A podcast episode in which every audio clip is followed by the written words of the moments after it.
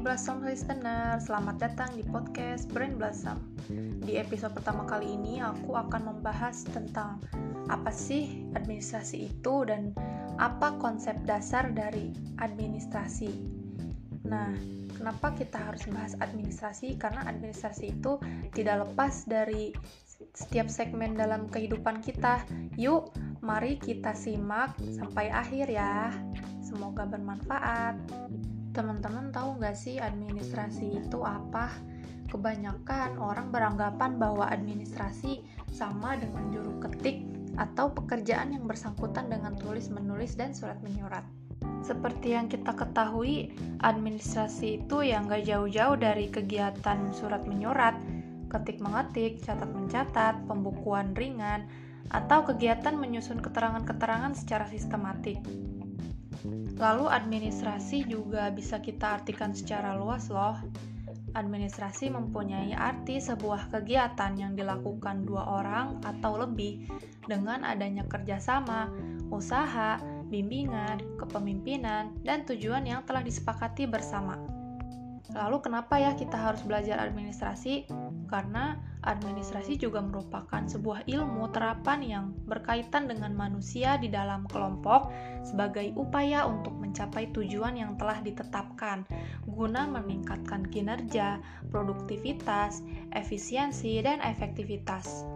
Wah, udah tahu ya, jadi administrasi itu apa? Nah, sekarang kalau prinsip umum dari administrasi itu gimana ya? Prinsip umum administrasi itu kaku, tapi bisa menjadi fleksibel tergantung konteksnya.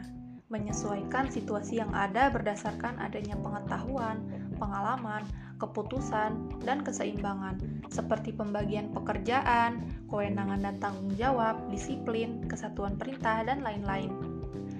Adapun prinsip dasarnya yaitu bisa kita ingat dengan 3M, yang pertama, menyusun rencana, menulis catatan harian, dan yang ketiga adalah menulis laporan akhir.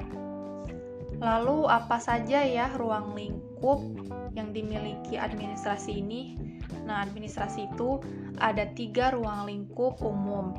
Yang pertama ada administrasi negara, ada administrasi swasta, dan yang ketiga administrasi internasional. Nah, kita udah tahu nih apa itu administrasi, prinsip umumnya bagaimana dan dasarnya bagaimana. Lalu eh, apa aja ya kecerdasan yang harus dimiliki seorang administrator?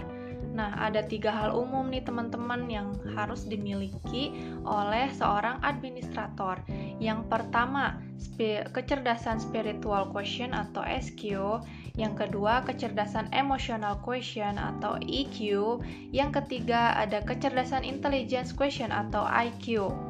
Oke, sekarang kita simpulkan tentang administrasi. Yang pertama, dalam kehidupan sehari-hari kita tidak terlepas dari yang namanya administrasi. Maka itu jangan disepelekan soal administrasi.